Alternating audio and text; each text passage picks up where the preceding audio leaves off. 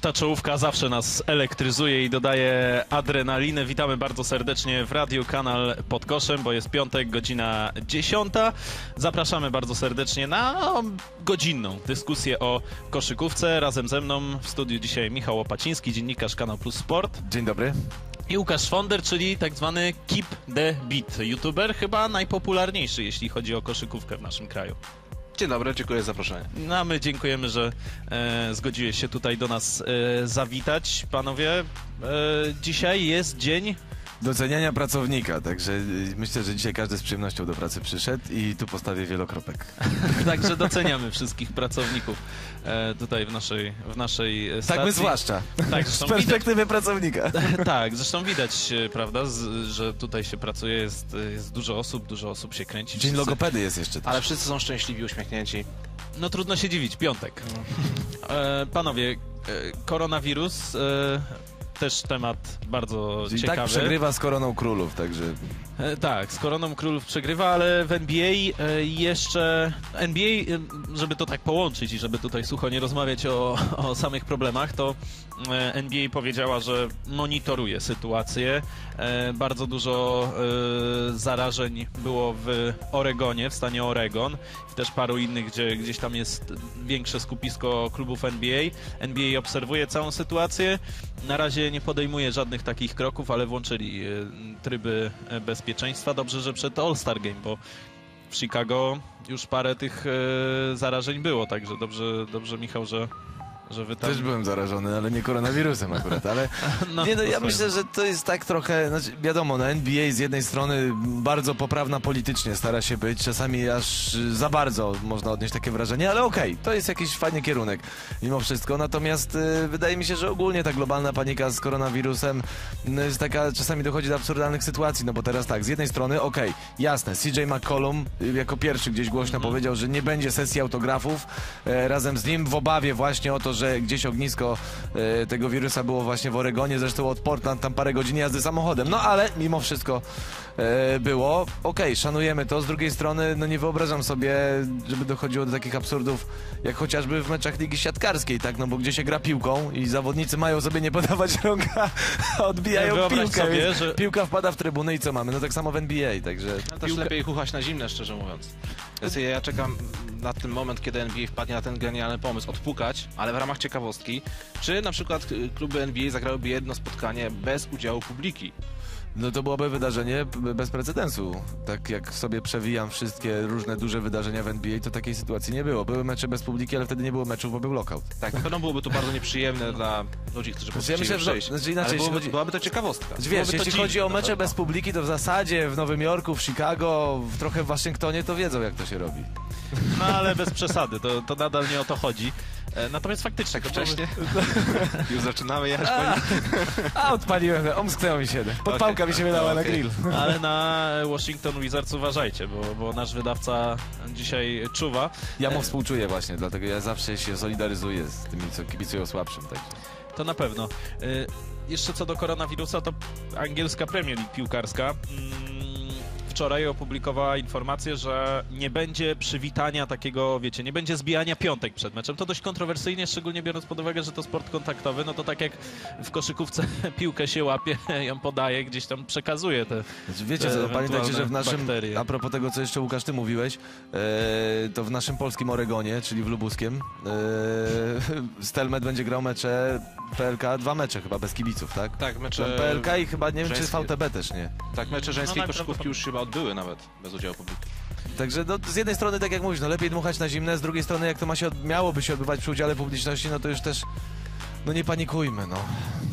A też mi przypomniała taka jedna historia, którą przeczytałem na temat Patricka Ewinga swego czasu i to się teraz powtarza te 30-25 lat później, że Patrick Ewing miał bzika na punkcie higieny i widział, że jeśli jakiś zawodnik wychodził z łazienki, a nie mył rąk, to zawsze było siema Patrick. Żółw.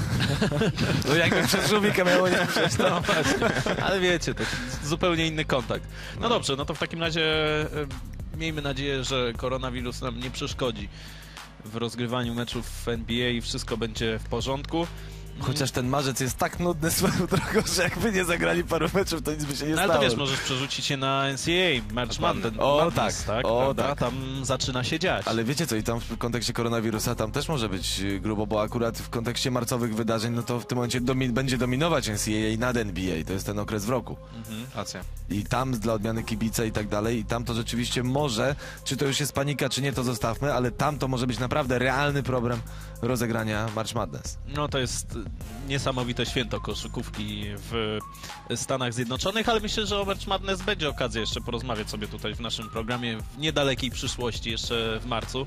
E, Łukasz, chciałem ciebie zapytać, ty jesteś e, tak na wstępie mm, youtuberem, tworzysz materiały właśnie o, o koszykówce. Skąd u ciebie wzięła się taka e, ta pasja do koszykówki i w którym momencie zdecydowałeś, że będziesz nagrywał na YouTubie i w którym momencie zauważyłeś, że to jest to, co też chcesz, chcesz robić, bo robisz to dla no, e, wielu osób. 50 tysięcy subskrypcji, tak? Już Tak, tak, na tak. twoim koncie. Znaczy no w wielkim skrócie wiadomo, że to trzeba najpierw się jakoś tą pasją, miłością zarazić. Wszystko rozpoczęło się od mojego brata. Oczywiście serdecznie pozdrawiam. Gdyby nie mój brat, to pewnie bym dalej siedział non stop przy grach komputerowych. On mnie po prostu wyciągnął sprzed, przed Pegasusa, pokazał mi piłkę do kosza, momentalnie się zakochałem i zacząłem po prostu grać w koszykówkę. Ale wraz z rozwojem tej pasji, im bardziej tam dorastałem, dojrzewałem, miałem takie podejście, że chcę po prostu pracować, robiąc koszykówkę, ale wiadomo, że nie zawodowo, bo byłem po prostu za cienki, za niski, więc bawiłem się w różne sposoby, aż do momentu, kiedy zacząłem tworzyć filmy na YouTube'a. Na początku to było raczej w formie ciekawostki, żeby się sprawdzić, e, zobaczyć, dobra zabawa, ale wraz z przyjściem coraz tej większej rzeszy odbiorców tak dotarło do mnie, że kurczę, lecimy na całość, no. Zostanę YouTuberem, będę robić filmiki do internetu, mamo, wspieraj mnie. No i udało się, jestem zadowolony, że tak to wszystko wyszło, Cie- cieszę się po prostu. Okej, ja... ym, I nadal grasz e, też, tylko już nie na Pegasusie. Tak, tak, tak. Nie no, ale w koszykówkę, miejmy nadzieję. Oczywiście. Znaczy aktualnie drobna przerwa spowodowana kontuzjami, ale e, powrót jest nieunikniony. Także zachęcamy do, do odwiedzenia e, twojego, trofi, twojego profilu na, na YouTubie. E, Michał, to żeby ci nie było Ja źle, nie jestem youtuberem. nie jesteś YouTuberem, Ale bardzo szanuję, bo ja kompletnie nie ogarniam takich tematów, mimo że raczej w podobnym wieku jesteśmy, to zresztą ostatnio mie- mieliśmy dyskusję przed wejściem, że jesteśmy z pokolenia, które pamięta numery 0700, także Nie, nie idźmy w tym kierunku, że widać, jak się rozwinął internetowo. bo to nie jest dobry pomysł. Nie, chciałem się spytać, od ilu lat ty oglądasz w ogóle koszykówkę, bo O tak Jezu. pytam Łukasza, żeby ci nie było przykro. O Jezu, no jeszcze się wymykałem gdzieś tam spod kołdry i... Jeszcze Paul tam... Arizny wtedy grał, nie? O rany, kiedy to było? nie no, nie no, spokojnie. Generalnie jeszcze jestem z tego pokolenia, które właśnie gdzieś się wymykało. Może nie chowałem się z tym przenośnym telewizorkiem pod kołdrą, jak to niektórzy mają i takie historie, ale to było gdzieś wymykanie się tylko, aha, rodzice poszli spać tylko po cichu, żeby jak najciszej ten telewizor jak najmniej mrygał, żeby jak najmniej tych kolorów było, żeby nikt się, nikt się nie obudził, ale generalnie mogę się przyznać, że absolutnie jestem dzieckiem Michaela Jordana i myślę, że on takich nieślubnych dzieci to ma miliony na Ale całym pamiętasz świecie. e, czasy Hey Hey to NBA? No pamiętam, pamiętam, oczywiście, że tak. Jak się okazało, ja my zawsze byłem przekonany, że to Wojtek to hasło wymyślił. się okazało, że to... A, widzisz, to jednak nie Wojtek, ale Wojtek tam był. A, Wojtek tam był. Tak. Tak, także Wojtka też pozdrawiamy. Dobrze, Tato! No, to jest, to jest, tak. Mentor e, Michała. Panowie, przechodzimy już do spraw e, ważnych i ważniejszych, czyli do NBA. Dzisiaj w nocy mm, cztery spotkania rozegrane. E, Clippers wygrali z Houston Rockets 120 do Nie mów do 105. wyniku ze No nie powiem, nie Kalifornii. powiem, no już spokojnie. Nie macie się czego e, bać. E, Denver Nuggets wygrali 114 do 112. Dostaję informację, że Gabryś się już dowiedział. Ale że już zna wynik. Tak, no także mogę powiedzieć. musimy wyjaśnić, że dzisiaj mamy w ogóle dzień, jakby dzień i noc, dobę debiutów, bo Łukasz dzisiaj u nas pierwszy raz, y, Gabriel będzie dzisiaj mecz ten z odtworzenia właśnie, czyli drugiego wyboru komentował, czyli właśnie Sacramento, Philadelphia, ale my, no dobra, już wynik zna, to za chwilę pewnie powiemy. Tak. No i Dominik Tomczyk dzisiaj też będzie debiutował w nocy o 4.30. Lakers Bucks. Lakers Będzie- Bucks, tak, będzie- przy okazji tego spotkania. Tak. E, 76ers w takim razie wygrali z Sacramento Kings 125 do 108, no i Toronto Raptors pokonali Golden State Warriors 121 do 113. Dwie ważne rzeczy. Raptors są już w playoffach. E, Awansowali jako druga drużyna w tym sezonie obok Milwaukee e, Bucks. E, Wschód siłą. mm, Tak, wschód, e, wschód siłą, to o tym Tam e, zawsze właśnie. była cywilizacja. Tam zawsze była cywilizacja, ale panowie, o wschodzie, o wschodzie porozmawiamy. Zacznijmy od Stefana Kerego. Zadebiutował, znaczy zadebiutował, wrócił po kontuzji, 23 punkty, 7 zbiórek, 7 asyst. E, chyba możemy powiedzieć, że dobry początek e, Stefana Kerego. Mimo wszystko myślałem, że zagra troszkę mniej, e, że, że a tu od razu gdzieś tam e, wszedł, pokazał siłę. Zresztą czekaliśmy na, na jego powrót, tak samo jak Golden State Warriors. I wydaje się, że no właśnie, bo też zastanawiam się, co on tak naprawdę jeszcze w tym sezonie Warriors może dać. Radość przede wszystkim. Golden State są przyzwyczajeni do tego, że wygrywają. Od kilku lat bez przerwy byli w finałach NBA. E, Publika jest do tego po prostu przyzwyczajona. I nagle mamy spadek, wszystkie te kontuzje się ze sobą połączyły. No i co, tankujemy? No kurczę, no nie do końca. Jesteśmy Golden State Warriors. Byliśmy cztery razy w finale NBA z rzędu. Dlatego też taki Stephen Curry postanowił, że no nie będzie po prostu tracił tego sezonu, tylko wróci. Chociażby po to, żeby sobie pograć, sprzedać troszkę biletów, pokazać się. No i widać to było dzisiaj. I Był- zacząć grać z Andrew Wigginsem przede wszystkim, tak, bo tak, tak. Andrzej Skrzydło y, tam jest rozpatrywany na dłuż, dłuższej perspektywie. Przecież on nie przyszedł tylko dlatego, że tam miał być po prostu trade i że w, Minne, w Minneapolis nie bardzo się realizował, tylko tam jest plan naprawdę szeroki, na szeroką skalę. Ja się tylko obawiam, czy weterani już dadzą radę, no bo Stephen Curry, okej, on zawsze da radę, natomiast pamiętajmy, że on ma 31 lat, koło 30 Draymond Green, Clay Thompson, też przeczochrani Ale nadal nie jest to ale taki wiek... e, z Andrzejkiem dadzą radę. No właśnie, nie jest to nadal chyba taki wiek, e, który, gdzie moglibyśmy powiedzieć, że nie mogą jeszcze czegoś wycisnąć. Nie, no oczywiście, że mogą. No to jest w ogóle magia Stefana Karego, no jest jedyny w swoim rodzaju i tak naprawdę trudno, ja nawet unikam wszelkiego rodzaju porównań, czy on jest lepszy od Lebrona, czy gorszy. Nie, no on jest inny i każdy z nich wytycza swój szlak. No i Steph Curry jest po prostu wyjątkowy, ale co jest ważne w tym powrocie też, panowie, y, to to, że on w 26 minut zdobył tych 20, e, te 23 punkty. Do tego przy ograniczonej rotacji, na co zwraca uwagę Steve Kerr, że to był w ogóle nie dość, że bo comebacki miał Stephen Curry, bo miał różne drobniejsze urazy, gdzieś nie grał po kilka meczów, czy nawet load management, ale jak grał, to praktycznie cały mecz, on 30 parę minut i cały czas był rozgrzewany. To był pierwszy mecz od wielu, wielu lat w ogóle dla Stefana Karego, kiedy on miał limitowane te minuty po to, żeby z jednej strony wypełnić limit tych 26-27 minut, z drugiej strony, żeby we wszystkich czterech kwartach mógł zagrać, więc to jest jakby, to jest ważne i jakby to świadczy też o tym, yy, no Ste- Steve Kerr, trener jest najbliżej tego, więc on jakby najbardziej wie, co mówi, ale właśnie to jest ta magia, że ta magia całych Warriors właśnie zamyka się Stefanie Kerrym. Ja teraz się najbardziej zastanawiam, co zrobią z Draymondem Greenem, bo mają dwa wyjścia. Albo pohandlować go gdzieś, e, póki ma wartość, albo czekać z nadzieją, czy Draymond Green wróci do tego e, starego bycia sobą, kiedy już Stephen i Clay będą obok niego. No bo nie ukrywajmy, że Draymond jest takim typowym supportem. I, wi-? I widać po tym sezonie, że mu po prostu nie idzie, kiedy nie ma obok siebie takich e, super strzelców. Tak, no jakby jestem zawiedziony, zawsze broniłem gdzieś Draymonda Greena i kłóciłem się chociażby z Waldkiem Kijanowskim, bardzo Waldka pozdrawiam serdecznie.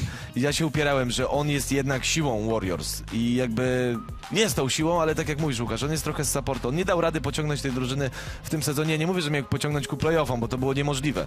Natomiast y, nie był tym motorem napędowym. Na pewno gdzieś w defensywie okej, były mecze, gdzie on pokazywał kiedy był sam z tej wielkiej, z tego wielkiego grona jeszcze przed tradem Andrew Wigginsa e, i pokazywał tym młodym, jak można wziąć na plecy trzech obrońców. I pokazywał to. Natomiast to były takie wyskoki. To nie była no, jakby ta gra, do której nas przyzwyczaił. Co do handlu Draymonda Greena, wiesz co, ja bym akurat był ostrożny, bo wydaje mi się, że on w tym, do tego przy tercecie Wiggins, Kerry, Thompson, Draymond Green może tam znowu być tym Draymondem Greenem, tym bardziej on jest takim trochę skurczybykiem, przepraszam za słowo i to jest też, taki, taki zawodnik też tam jest potrzebny, no bo to by była już zbyt taka cukierkowa chyba drużyna Racja. w tym momencie. A zobacz, ile jest młodych. No zresztą rozmawialiśmy też przed wejściem na antenę, tak? No masz chociażby Eric Pascal, który absolutnie jest dla mnie, gdyby Warriors byli wyżej, myślę, że absolutnie jedno z takich pozytywnych, może objawień duże słowo, ale pozytywnych, młodzieżowych akcentów yy, zdecydowanie. Znaczy generalnie jeśli już masz pewien sezon, e, który jest spisywany na straty, to masz dwa rozwiązania. Albo e, bierzesz samych młodzieniaszków i próbujesz ich ograć, żeby za rok, jak już wrócą, wrócą liderzy, żeby byli gotowi na to, żeby grać na najwyższym poziomie. No albo po prostu budujesz skład wobec weteranów, najlepiej pięciu silnych skrzydłowych i zobaczysz, co się wydarzy dalej, prawda? No tak, no tutaj akurat Steve Kerr poszedł w, to, w tę stronę, więc why not? No, ja jestem otwarty na to, co, co Warriors zaproponują. No właśnie, to ciekawe, co wydarzy się tak naprawdę po tym, po tym sezonie, ale co do Kerego, mm, Steve Kerr powiedział, że to jeden z najbardziej cieszących się grą zawodników e, w NBA w ogóle, w całej organizacji. Em, Zgodzić się chyba z tym możemy śmiało, bo faktycznie e, Stephen Curry jest takim zawodnikiem, który faktycznie widać po nim, że, że ma radość z tego, co, z tego, co robi, ale zastanawiam się też ten występ dzisiejszy, 23 punkty w 26 minut, tak jak powiedziałeś. E, Czego tak naprawdę po, po, po Kerem przede wszystkim, nawet nie po Warriors, ale po Kerem możemy się jeszcze tutaj e, w tym sezonie spodziewać? Tego, że będzie wracał do pełni dyspozycji? Tylko. Tylko, tak naprawdę tylko. No Warriors są, są oni są, to jest już obciach być gorszym od Minnesoty, no sorry, ale czy od Phoenix Suns, no ale taka jest prawda, wiemy z czego to wynika, więc jakby też ten grill, jakby oszczędzani są na tym grillu mocno Golden State Warriors. E, natomiast e, Steph Curry po prostu wróci do gry, wróci do tego trybu, e, jakby ten głód gry cały czas miał i jakby ja myślę, nie Łukasz co ty na to, ale ja myślę, że po prostu on dogra sezon do końca po to, żeby już w pełnym trybie, w pełni sił, w pełni zdrowy zaliczyć kolejny y, ten okres przygotowawczy i znowu wjechać z tymi odświeżonymi, nowymi Warriors tak naprawdę y, w sezon 2021. Nie no, Stefan jest strasznie, strasznie pozytywnym gościem. Ja sobie wyobrażam, jaki on musiał być nabuzowany od, ra, od rana, że o kurczę, zagram sobie dzisiaj w koszykówkę, rzucił zdjęcie tam animowanego gifa na Instagrama, w którym po prostu pokazuje I'm back, przerobił się jakoś komiksowo i w ogóle, no kurczę. To jest Ja naprawdę tylko- niesamowite, że człowiek, który osiągnął tyle w koszykówce, już nie jest, że tak powiem, pierwszej młodości, ale cały czas zachowuje się jak dziecko. Ja czekam, i jak będzie takie- kreował Alena Smajlagicie na przykład. Pamiętasz, pamiętasz ten mecz, gdzie właśnie Alen Smajlagic tam chyba ze 3 czy 4 razy dankował, wyszło mu raz, ale przy tych trzech kolejnych próbach wszyscy na ławce Warriors tak... Tak, tak, było, było. To prawda, ale on też y, wygląda, jeszcze ma taki wygląd, że ciężko sobie gdzieś tam przyswoić, że on ma 31 lat. Dokładnie. Tak mi się wydaje, Baby, że... babyface killer. Babyface, tak. Zde... Keep the beat. No i Michał Łapaciński. wygląda. Nie, nie, nie, ja to jestem white, white ten, white włosy ten, white hair. No dobrze, ale to wiesz.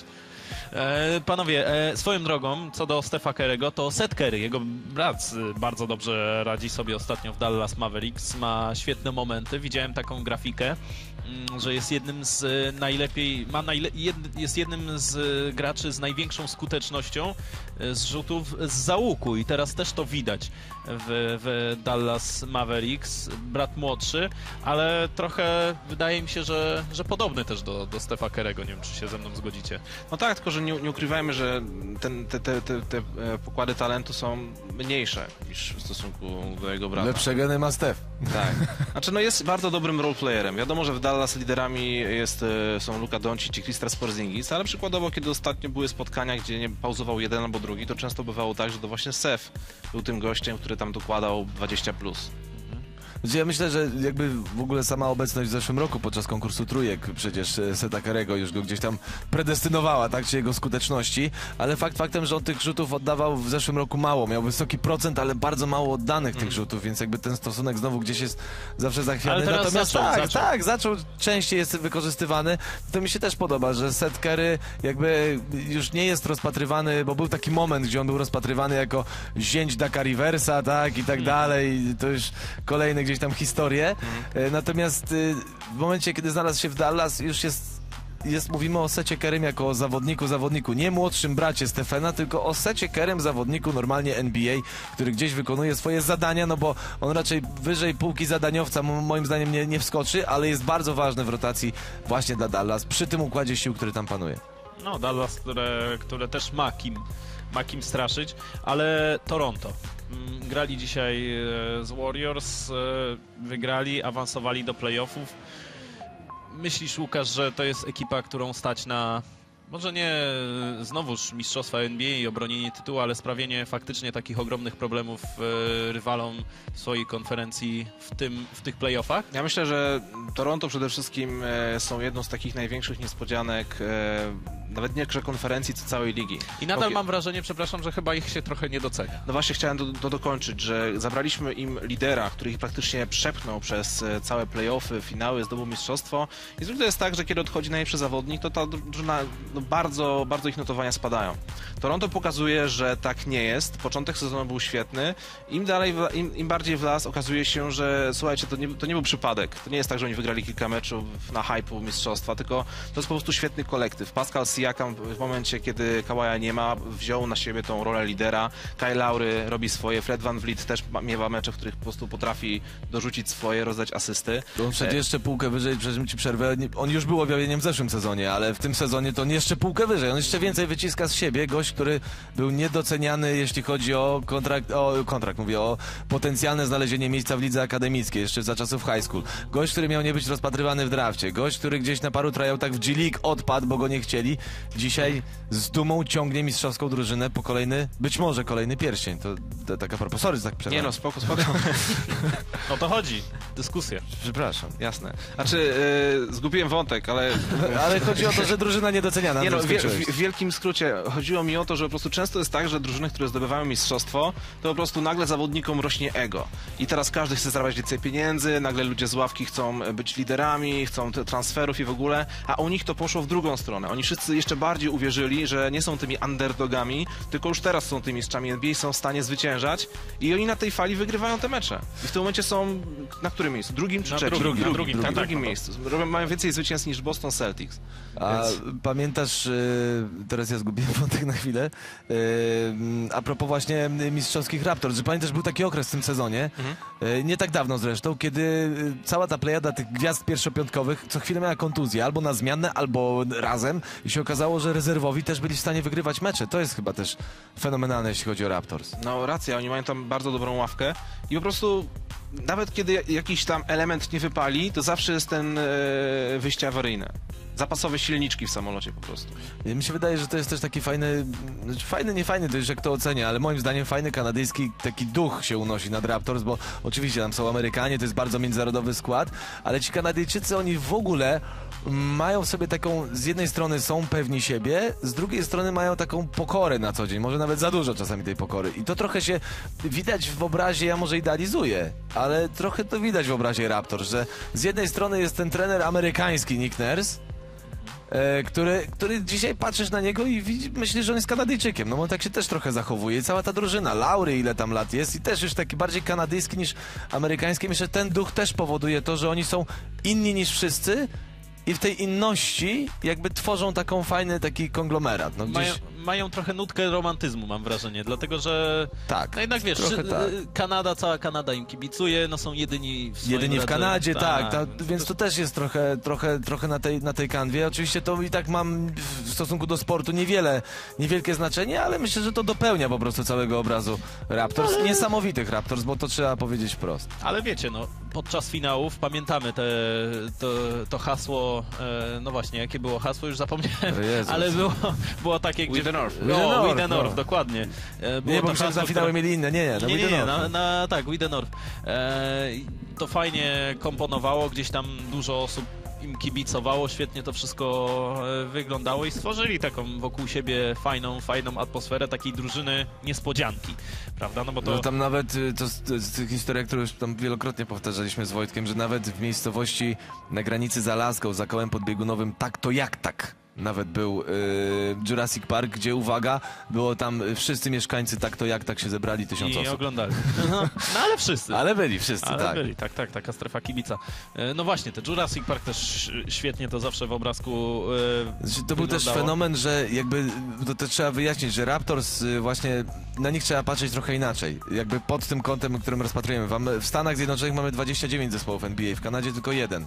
I y, biorąc pod uwagę pasmo, w cudzysłowie, nieustających sukcesów takich drużyn jak, y, zwłaszcza w Toronto, jak Blue Jays y, w baseballu, jak y, Maple Leafs, gdzie oni gdzieś tam niby coś tam, te playoffy, o coś im tam chodzi, ale nigdy, znaczy od paru lat nic wielkiego nie osiągnęli, to nagle mamy Raptors i oni jako mistrzowie NBA teraz broniący tytułu nadal są wysoko w tabeli, więc oni w samym Toronto mają wielkie wsparcie, a do tego będąc jedyną kanadyjską koszykarską drużyną, gdzie i tak myślę, że daleki od prawdy nie jestem, nie patrzyłem w tabelę NHL, ale gdzie i tak w NHL do, dominują amerykańskie zespoły, no to tutaj się okazuje, że jakby ta, siłą rzeczy gdzieś ten, mówię, no ten duch taki kanadyjski, kanadyjskości gdzieś dominuje, no i jakby to też może być taką E, psychologiczną Jeśli siłą. chodzi o jakby próbę zrozumienia takiego fenomenu wsparcia koszykówki, promocji koszykówki w Toronto, to polecam wszystkim obejrzeć Carter Effect.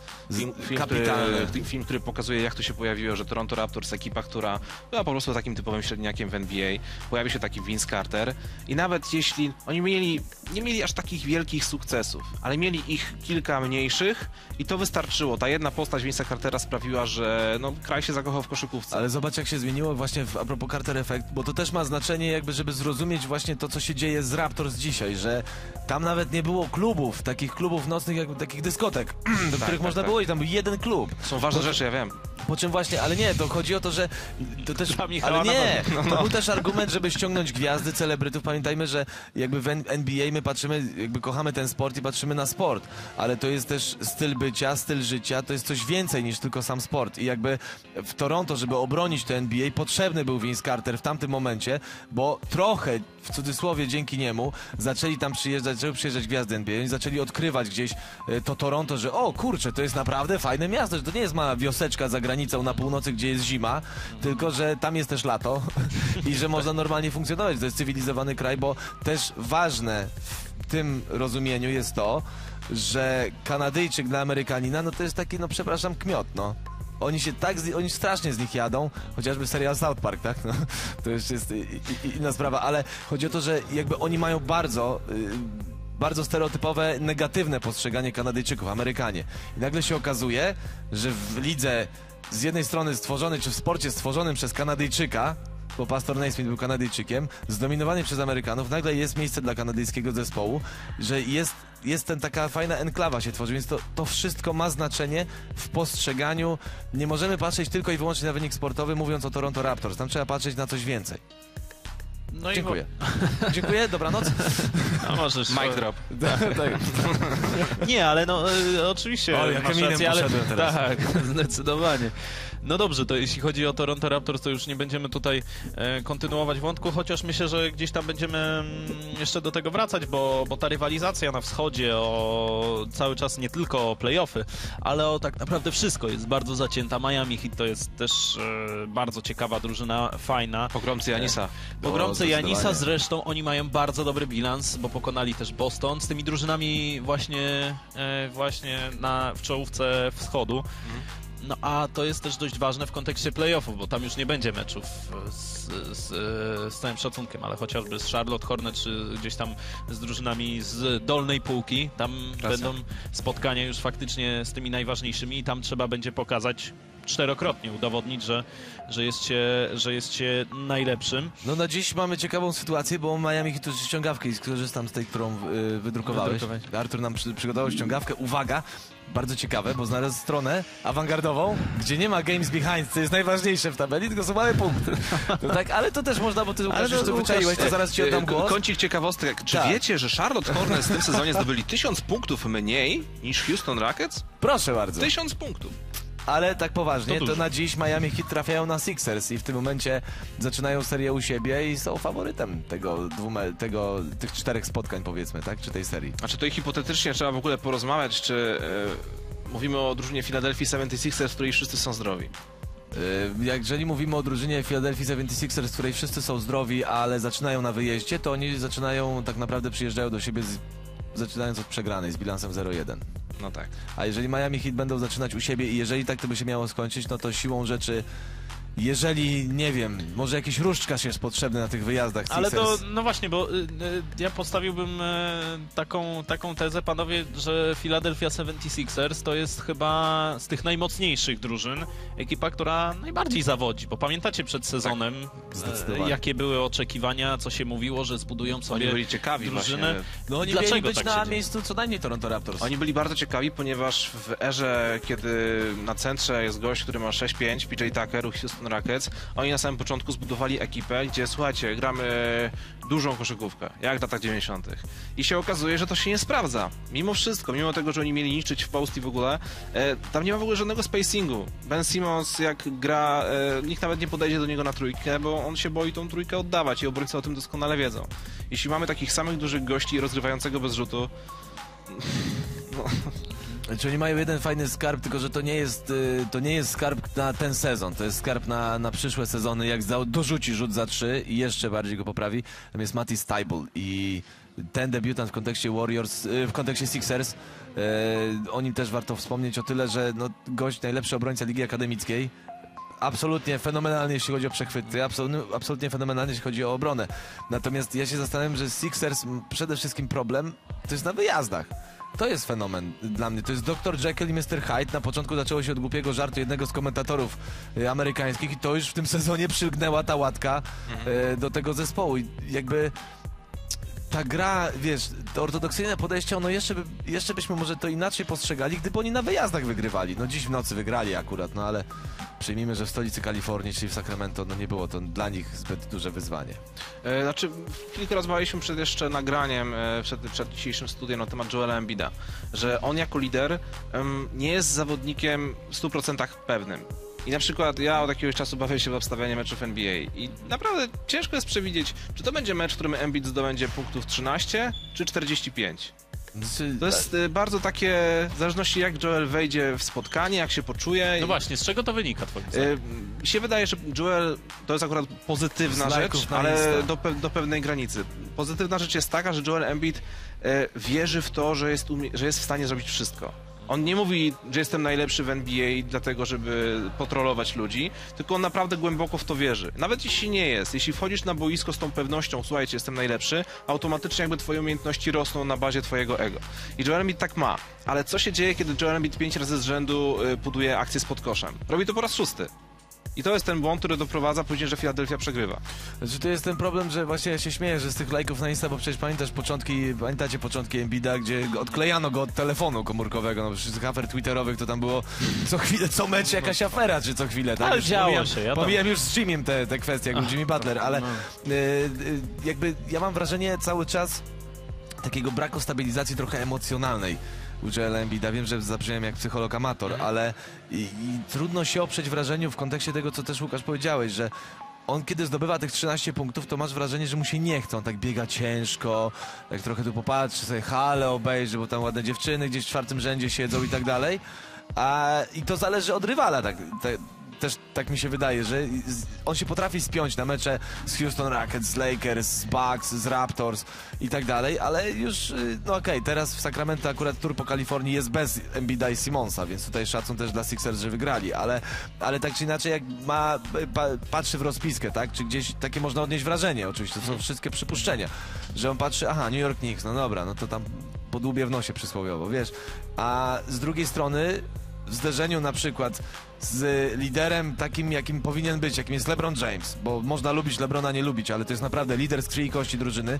LeBron gra w każdym meczu przeciwko każdemu. To już jest kwestia trenera, jaki jest load management i ile on minut zagra, ale jak wychodzi na parkiet, to zawsze daje z siebie wszystko. Oczywiście w ramach w cudzysłowie odpuszczania on może, nie wiem, wykreować Alexa Caruso na przykład na bohatera, oddać mu piłkę gdzieś w decydującej akcji, natomiast on gra. Z Embidem mam wrażenie, że nie ma tej równej, równego podejścia. To nie chodzi o umiejętności, bo umiejętności ma wybitne.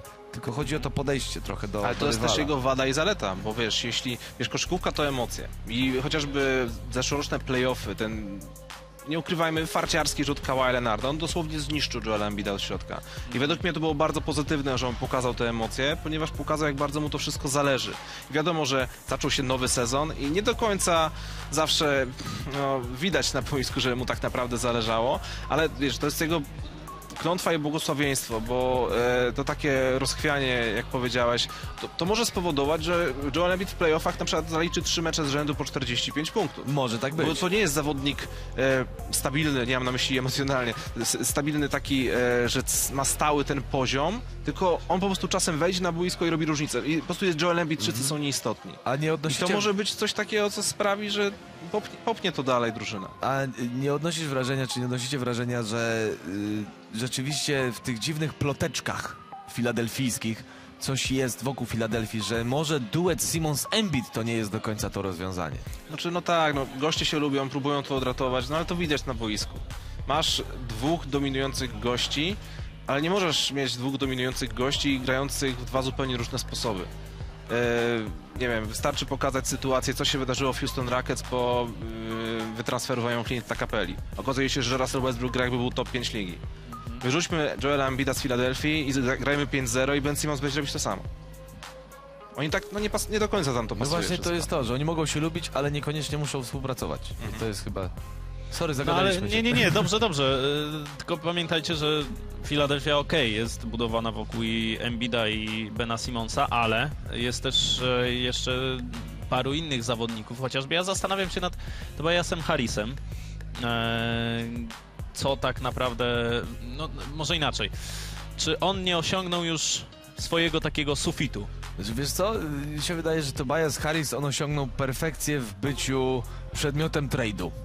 Sorry, że to mówię, no bo jakby musimy też no, czasami uprzedmiotowić tych zawodników troszeczkę. I przy całym podejściu Tobiasa Harrisa, przy tym jak na przykład Duck Rivers też niedawno zresztą powiedział, że on uwielbiał, chciał, jakby super mu się współpracowało z Tobiasem Harrisem, bo on jest coachable, on jest bardzo elastyczny, on bardzo szybko łapie systemy gry i on jest pożądany w wielu drużynach, ale z drugiej strony to też nie jest zawodnik, wokół którego możesz budować drużynę. On jest bardzo ważny w rotacji. Jego wypuszczasz w pierwszej piątce, ale czy to jest gość, który ma ciągnąć zespół, tak jak ergo Joel Embiid? Nie wiem. Tu chyba rzeczywiście doszedł do takiego punktu, w którym już więcej nie wykrzesasz, możesz go tylko kreować jeszcze bardziej. Natomiast y, to jest chyba trochę taka też i wada i zaleta, że on jest taki coachable, bo, bo z drugiej strony wcale się nie zdziwię, jak znowu y, w czerwcu się okaże, że on zmieni drużynę, tak? I, i, w I trafi do nowej i też będzie świetnym zawodnikiem, też będzie rewelacyjny, też będzie na poziomie double-double, tak? No jak dla mnie Tobias Harris po prostu byłby gwiazdą NBA, gdyby miał inny mental. Tak jak mówisz, ta, ta elastyczność sprawia, że on jest w stanie się wszędzie dopasowywać. Tylko, że wiesz, czasem zawodnik może nie chcieć się dopasowywać i po prostu grać swoje e, i pokazać, że jest naprawdę dobry. Tobias Harris nie ma tej, tej ambicji, przynajmniej tak to wygląda. On robi to co, jest, co, to, co do niego należy, to, co umie robić i robi to naprawdę bardzo dobrze, ale z drugiej strony wie, że no ja tu jestem tylko takim dodatkiem, więc Może za bardzo team player jest, może powinien być właśnie więcej samiec alfa, trochę, sorry, Jimmy Właśnie, Butler, no przy chodzi, całym szacunku, bo akurat bardzo szanuję za Jimmy'ego Butlera, że on się nie kryje, y, żeby już nie mówić inaczej, ze swoimi opiniami. Mówi, ja tu jestem po to, żeby być najlepszym, żeby osiągać sukcesy dla drużyny, ale jestem ja i drużyna, a nie druż- ja w drużynie. A nie tak? drużyna ja. O, Tak, no to coś w tym może, może w, tym, w ten sposób, no ale jeszcze Al Horford. I tu też dochodzimy do takiego momentu, kiedy... Dziadzia? Tak, ale y, chodzi mi o to, że Philadelphia ma czterech takich zawodników na wysokich kontraktach. Z tym pewnie też możliwe będą musieli sobie poradzić po, po sezonie, bo Al Horford gdzieś tam ma kontrakt warty 109 milionów dolarów, to nie są małe pieniądze, a, a nie gra tak jak moglibyśmy się spodziewać, albo jakbyśmy oczekiwali jeszcze właśnie przed tym, przed sezonem. No mamy dużych gości w Filadelfii, dorzućmy jeszcze jednego dużego gościa, który jest supportem. No, fajnie to wyglądało przed, bo myśleliśmy sobie, że Al Horford będzie, nie wiem, grał na skrzydle, nie? tak wiesz, dla jaj, ale, ale no po prostu nie, no Al Horford też jest tak właśnie takim supportem i często wygląda tak, że on, nie wiem, w drugiej, trzeciej kwarcie dopiero oddaje pierwsze próby z gry, jeśli chodzi o rzut. A tak to tylko zbiera, czasem poda, czasem obroni. Y, To też tutaj potrzebujemy jednak, no ostatecznie wiadomo, że statystyki, wszechstronność, wszystko jest istotne, ale no ostatecznie chodzi o to, żeby zdobyć więcej punktów niż przeciwnik. No ale z drugiej strony też można, z- zobacz, pobawmy się w takie układanki, bo, bo możemy, a czemu nie, to oczywiście fantazjujemy, więc jakby nie, uciekam od merytoryki, jakby sensu stricte, ale zobacz, wyjmujesz na przykład Embida, zostawiasz Simonsa i zostawiasz też Horforda w pierwszej piątce, masz Tobiasa Harrisa, i już to zaczyna wszystko inaczej wyglądać. Dlaczego to mówię? Dlatego, że chcę trochę obronić Ala Horforda. Pamiętajcie, że on jest weteranem w tej drużynie. Facet o nieprawdopodobnym IQ koszykarskim, nieprawdopodobnym przeglądzie pola. To jest gość, który potrafi kreować spod kosza grę. On potrafi rozciągnąć tę grę, potrafi ją zacieśnić, on potrafi wszystko. On potrafi ściągnąć na siebie całą obronę po to, żeby obwód uruchomić. No co prawda Simons nie rzuca za trzy, tak? Ale są pozostali, którzy rzucają, nawet Embiid. I jakby Horford, on może po prostu w tym systemie, który jest, znikać. I może my to nie do końca widzimy. Natomiast mecze bez Simonsa i bez Embida pokazują, że Horford w roli tego wysokiego, w cudzysłowie, kreatora gry, dużego kreatora gry, spisuje się dobrze. I on trochę gra też nawet, ja bym się uparł, że on trochę gra poza statystykami, bo są tacy zawodnicy, że zastanawiasz się, patrzysz na, na początek w pierwszym odruchu w internecie, sprawdzasz staty, mówisz, co on tam robi. Po czym patrzysz na parkiet i mówisz, aha, to ja już wiem, co on tu robi. Więc jakby tutaj zastanawiam się, czy on po prostu, czy on pasuje do systemu Filadelfii, albo może niektóre elementy inne tego systemu nie pasują do tego, żeby był w tym Horford, tak? Czy jakby Może zamotałem. Znaczy, ja, Nie. ja rozumiem. E, znaczy wiesz, też nie do końca się tutaj zgadzam, bo jeśli nie mamy na boisku ani Embida, ani Simonsa, to ostatecznie ktoś w końcu musi wziąć na siebie tą rolę lidera. I, no i najbardziej takim Shake Milton. oczy- oczywistym e, wyborem jest właśnie Al Horford. No Shake Milton to teraz No, przede wszystkim- objawienie, objawienie. Jest objawieniem, ale przede wszystkim też walczy teraz za siebie, że musi się pokazać, bo w końcu dostał szansę i No tak. kurczę, no wykorzystuje to. Ale tak alternatywnej rzeczywistości, w której wyobrażamy, wyobrażamy sobie Joela Embida w innej koszulce niż Filadelfii. Ben Simmons z Alem Horfordem czekającym w rogu na trójce to jest lepsza opcja niż Ben Simmons podający cały czas na postaw do Joela Embida. No jest to, jest to rozwiązanie, chociaż powiem szczerze, że jak powiedziałeś, zwerbalizowałeś hasło, wyobraźmy sobie Joel Embida w innej koszulce, prędzej widzę Bena Simonsa w innej koszulce. No to, ta Też też, mi się się, też mi się tak wydaje, To że, chyba no, jednak w tę stronę że raczej. gdyby musieli wymienić kogoś, to raczej Bena Simonsa. Wiesz, może wujek LeBron przytuli. O! Myślisz? Niewykluczony, wie? No już takie jaja tam się dzieją Dion Waiter w Lakersach. No. No, To wujek LeBron to za chwilę, kurczę, wprowadzi do NBA zasadę 20 zawodników w lidze i wszystkich kumpli do siebie będzie ściągał. Bo musi, kurczę, wyrzucać czasem kogoś, żeby zrobić miejsce dla kogoś no innego. i ten Rich Paul I będzie ile można zadowolony. kombinować? A zobacz, jak Rich Paul będzie zadowolony, bo wtedy nie będzie musiał nigdzie poza Los Angeles jeździć. Racja. Wszystkich będzie miał w dwóch drużynach. Już teraz ma prawie wszystkich w dwóch drużynach w jednym ale mieście. e, LeBron ściąga swoich i wychodzi. No, poczekaj, ja to jestem akurat bardziej, z- jakoś tak mnie, ktoś mnie w kościach łamie, że Clippersi czyli- o, jednak. jednak no, dzisiaj, Wiesz? dzisiaj w nocy pokazali. Z Houston Rockets zamknęli ich tak, że no Houston kompletnie nie Nie no, istnieje. zdrowi Clippers to, to jest drużyna, która po prostu oni 10-0 mają bilans, jak są wszyscy zdrowi. No, ale to Dobrze. jest taka siła, że... E, Pozwólcie, że zadam pytanie. E, Zadaj. Bartosz, to dla ciebie. E, Seria, Pozdrawiamy cię, Bartosz. seria do czterech zwycięstw, Lakers czy Clippers? Dobra, jak już tak wywałeś do tablicy... Zobaczymy w Nie, niedzielę. nie? Właśnie, zobaczymy w niedzielę, będzie papierek lakmusowy. No. E, Clippers. Clippers i... Mimo wszystko. Tak, Clippers. Okay. Ja myślę, że jednak Lakers. Ja bym postawił na 4-3. Lakers. 4-3 Clippers i to będą takie wyniki, wiesz, dwoma, trzema punktami. No ja też, 4-3, Dogrywki. ale dla Lakers. No, no bo to są takie mecze, zresztą Czyli widzieliśmy w tym 4-3 dla. Lakers. Tak, 4 do 3 dla, dla Lakers. No, ciężko Czy ja powiedzieć. mogę już wyjść? Dobrze, no ale co, mam, mam Nie, się no zgadzać we żartuję, no wszystkim? przecież Trudne pytanie. wiadomo, No, to trudne pytanie. pytanie. Dobra, ale panowie, bo y, o, o y, zachodzie jeszcze porozmawiamy. Jedna rzecz, na którą was Mhm. też przygotowywałem, czyli Zion Williamson kontra Jamorant. Y, wiem, że... A tu się nie pewno- pokłócimy akurat z Michał- Łukaszem. Ale wiem, że... y, No tak, no dobrze, ale y, Michał, wiem, że ty, ty bardzo chciałeś wyrazić swoją opinię. Ja też zastanawiam się, bo cały czas trwa ta rywalizacja, kto, czy, czy Zion Williamson, czy Jamorant zostanie Rookie of the Year. Jamorant powiedział, że on ma to gdzieś... No, a nie co miał powiedzieć? A co Ale miał bardzo powiedzieć? dobrze. Bardzo dobrze to powiedział. Ja pamiętam, jaka była drama między Donovanem Mitchellem a Benem Simonsem. Oni sobie drukowali na koszulkach definicję ze słownika. I to No było tak. takie troszkę... Zresztą co do Embida, to w sezonie 16-17 też był podobny kazus z Malcolmem Brogdonem, kiedy tam e, rywalizowali. 31 meczów chyba rozegrał swoją drogą e, Joel e, Embiid i no, też była taka mocna No, rywalizacja ale widzisz, na podobnej rozegrał- zasadzie. No, ale zobacz, rozeg- i kto był wtedy y, Rookie of the Year? Donovan Mitchell. Mhm. Tak, e, jak, no. jak był Joel Embiid? Jakby, Brogdon, Brogdon. Brogdon, Brogdon, Brogdon, tak, sorry, Brogdon, no tak, y, Brogdon. I teraz, i tu jest ta sama sytuacja, że jakby mm, to, co robi Zion Williamson jest fenomenalne. To jest po prostu fenomenalne, tutaj chcesz po prostu, wiesz, się, nawet popcorn do ust ci nie dochodzi, bo po prostu się wysmarujesz cały, bo z wrażenia patrzysz jeszcze jakieś wiadro na cieknącą ślinę, bo to ci po prostu podnieca to, co on robi, koszykarsko. To jest fenomenalne już teraz. Ja jeszcze nie mogę doczekać tego, co będzie dalej. Jak on się będzie rozwijał, by tylko tfu, zdrowo i trochę jak schudnie, to już w ogóle będzie rewelacja.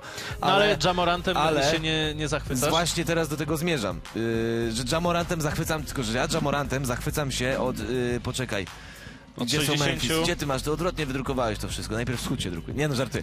E, 62 mecze. Jamorant ma tych meczów 58, tak? Chyba w czterech Ja nie mam grał. wschód najpierw Więc wydrukowany. mam w 58 meczach, podniecam się i robię to samo, co z Zajonem, jeśli chodzi o Jamoranta. Może na początku troszkę mniej, tak? Ten popcorn jednak potrafiłem schrupać, dzisiaj to po prostu mi się wysypuje z wrażenia. Mam 58 spotkań, tu mam 11. Czyli co oznacza, że e, w dużym uproszczeniu, a nawet nie w dużym, bo mamy wszystko ładnie wydrukowane. No e, już nie 11, Pelicans- bo 17 zagrał Williamson, żeby nie no ale było. w to też 11 jest... z rzędu miał ponad 20 A, punktów, to o okej, to chodzi. No, ale miał 17 meczów, do końca sezonu zostało mu 20, będzie miał 37 spotkań. Mało. Jak ma się czuć Jamorant, nie odbierający statuetki i widzący Zajona Williamsona, który wychodzi po tytuł debiutanta roku? Ale czy... Będzie się czuł, jakby ktoś mu dał z liścia w twarz. Sorry. Ale wiecie, I za mało, po prostu liczba spotkań, to jest tak samo jak w statystykach, yy, w części Mhm. statystyk, nawet jak patrzysz na cały sezon, musisz bodaj mieć chyba 50 spotkań, żeby liczyć się w tabelkach statystycznych, czyli ponad Racja. połowa sezonu. Ale- I tak samo tu jest prosty argument. Zion jest świetny, jest wybitny, jest rewelacyjny, ale nie gra od początku sezonu. Ale- Sorry, taki los. Ale przepraszam, Łukasz, y, to teraz dam, dam tobie powiedzieć, y, ale czy nie jest tak, że mocno, mocno, mocno, czy o tym, kto zostanie Rookie of the Year nie zadecyduje to, która drużyna zagra w playoffach, bo Pelicans cały czas są w tej rywalizacji, Moje, mają szansę, no a jeśli będzie tak, że Zion ich poprowadzi, no to będą to argumenty. Znaczy, ja wychodzę z założenia, że po prostu Pamiętaj, to że te są, tytuły są za sezon zasadniczy. że wszystkie takie No tak, statuetki- oczywiście, ale wiesz, prowadzi ich do playoffów. y, No, Ja wychodzę z takiego założenia, że wszystkie te, te statuetki ostatecznie są rozdawane za sezon zasadniczy tylko i wyłącznie. I wiadomo, że jeśli chodzi o obrońcę roku, MVP czy coś, no to wtedy może tak podświadomie patrzymy na to, co się dzieje w playoffach. Ale Rookie of the Year, no nie ukrywajmy, to statuetka tak naprawdę jest tylko takim poklepaniem po plecach dla młodego gracza i ten młody gracz po roku czy po dwóch nawet się tym nie interesuje. Ale taki- prestiż jest, no wiadomo. no wiadomo, tylko że no, Rookie of the Year tego się nie pamięta po prostu. I to ja chcia, też chciałem przypomnieć sytuację między Brogdonem a Embidem. E, Mówiliśmy o tym, że e, to byłoby niesprawiedliwe dla Brogdona, że e, gdyby nie dostał tej statuetki. Tylko to jest też sytuacja taka, że Malcolm Brogdon dostał statuetkę dlatego, bo nie było konkurencji. On był dobry, ale nie aż tak. A tutaj mamy inną sytuację, bo Jam Morant nie jest Malcolmem Brogdonem i robi takie kozackie statystyki, że naprawdę zas zasługuje na tą statuetkę. Tylko, że co mamy zrobić z tym, że Zion robi lepsze Wiesz statystyki? co, to zależy chyba od, od rocznika draftu przede wszystkim, jeśli chodzi o tytuł debiutanta roku, ale tu się zgodzę powiedzieć bardzo ważną rzecz. I tak, i to jest na obronę mojej teorii względem tego, żeby Zion nie dostawał tej statuetki. I tak wszyscy będą pamiętać, kto był jedynką draftu. I to jest wszystko w temacie. Za rok, za tak. dwa, za pięć Tak. będziemy mówić Zion, jedynka draftu, ole wystrzelona jedynka draftu. Pierwsza od wielu lat jedynka draftu 2019, gdzie naprawdę zgadza się wszystko co do Joty i tak dalej, i tak dalej.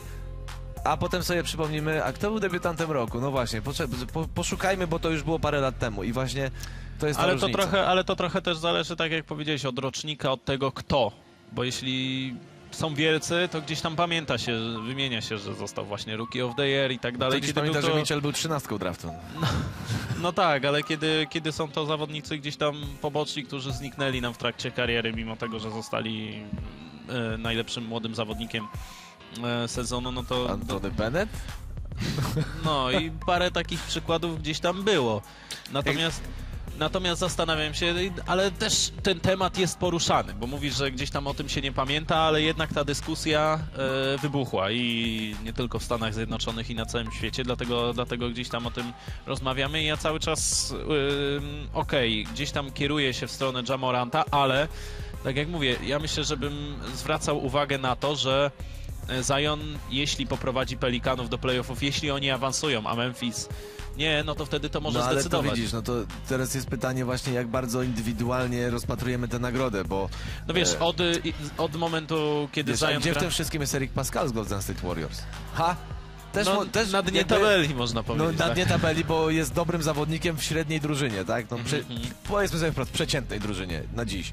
E, ale z drugiej strony też gra, też potrafi przeciwko lepszym drużynom zagrać dobrze i tak dalej, i tak dalej, więc czy uzależnia się od playoffów? Nie wiem. Ja bym może bardziej się skupił na, na jednak przynajmniej wyznaczeniu jakiejś zdroworozsądkowej granicy, na przykład tych przyjmijmy 50 spotkań, niech będzie, bo mm, to może być krzywdzące dla Jamoranta. On powiedział dobrze i fajnie, z drugiej strony co miał powiedzieć tak naprawdę? A propos, Ale on taki trochę jest, taki wyluzowany chłopak. taki sobie. prosty chłop, no. Ale nie na boisku.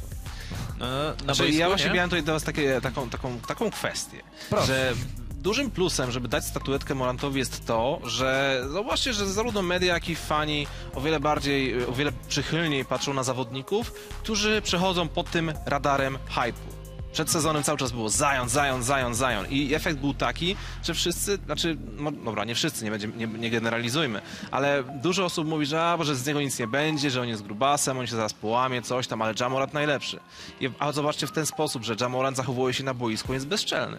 To jest mło- fajne. To jest, no jest młody knypek, który po prostu wchodzi na boisko i ma właśnie to przeczucie, że jest najlepszy. Próbuje skoczyć na No właśnie, jego danki to tak, pokazują. prób- Próbuje skakać po głowach. On nawet tych wsadów nie robi do końca. Ten, ale, jest, e, ale, ale, ale później mamy z tego zdjęcia, Ale które chcemy walczy. drukować to jest na to. całą ścianę, bo to tak świetnie wygląda. I tak sobie teraz pomyślałem na przestrzeni tego, co wydarzyło się dwa lata temu. Mamy Jamoranta, który jest dwójką draftu, e, który no, pokazuje swoją bezczelnością i lubimy tą bezczelność, a dwa lata temu, gdyby Lonzo Ball się tak samo zachowywał, byśmy go znienawidzili. Bo Eee. wtedy on był, on był najbardziej hypowany. Tak, ale pamiętaj, że y, dopiero dzisiaj patrzysz na Lonzo Bola jako przez pryzmat Lonzo Bola, a nie przez pryzmat y, tych idiotycznych zachowań taty. No sorry. Oczywiście. Jakby, No, to- Ale to, to są był niepotrzebny, wiesz, niepotrzebny bałagan y, stworzony przez środowisko Lonzo Bola i tak naprawdę dobrze się stało i dla niego i sportowo i w ogóle, że on opuścił Los Angeles. Racja. I dobrze się też stało, I że... zmazał tatuaż BBB. A to nie, nie zwróciłem Ja też nie widziałem, ale dobrze się stało, że trafił do niego Zion Williamson. Mam takie, Znaczy, mam nie, takie no, wrażenie. Pelicans y, o, tylko bo czekali na zwróćcie- Zajona. No ale no tak, Pelicans na pewno, ale Lonzo Ball na tym niesamowicie zyskał, bo to też jest w tym sezonie e, i jak gra Zion Williamson, inny zawodnik, dużo więcej... W ogóle tam jest takie fajne, fajne takie określenie, że trio z Hollywood w, w Pelikanach. Oni wszyscy trzej zyskali. Ingram, Ingram zwłaszcza, tak? No tak. Ale i Hart, i, i, i Ball. Oni wszyscy poszli w górę, to siłą rzeczy czekając na Zajona musieli się nauczyć ze sobą grać, ale tak, oni zyskali i właśnie to jest fajne, że wchodzi taki gość jak dominator i, oni, i on z nimi chce grać. To nie jest tak, że on trochę z jednej strony jest taki skurczybyk jak Jimmy na zasadzie okej, to jest drużyna skrojona pode mnie, ale z drugiej strony mam też tu kolegów.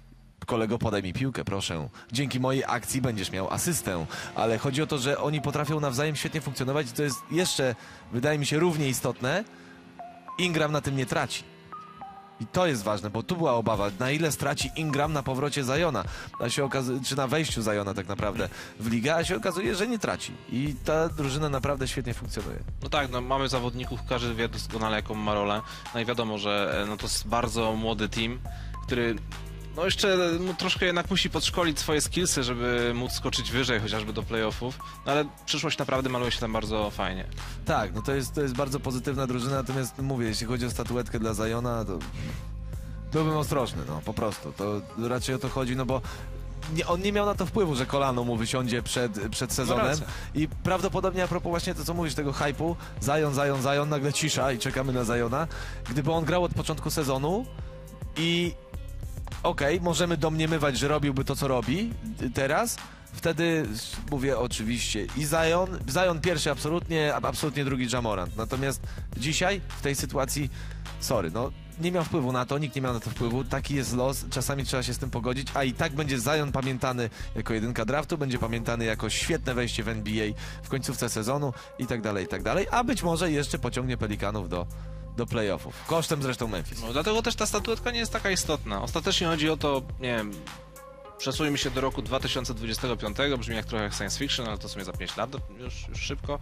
E, I będziemy patrzeć tylko i wyłącznie na to, że w danym momencie, no, Zion Williamson na przykład ma lepszą karierę niż Jamorant. Tak, albo żeby i będzie, i żeby był jedynką draft.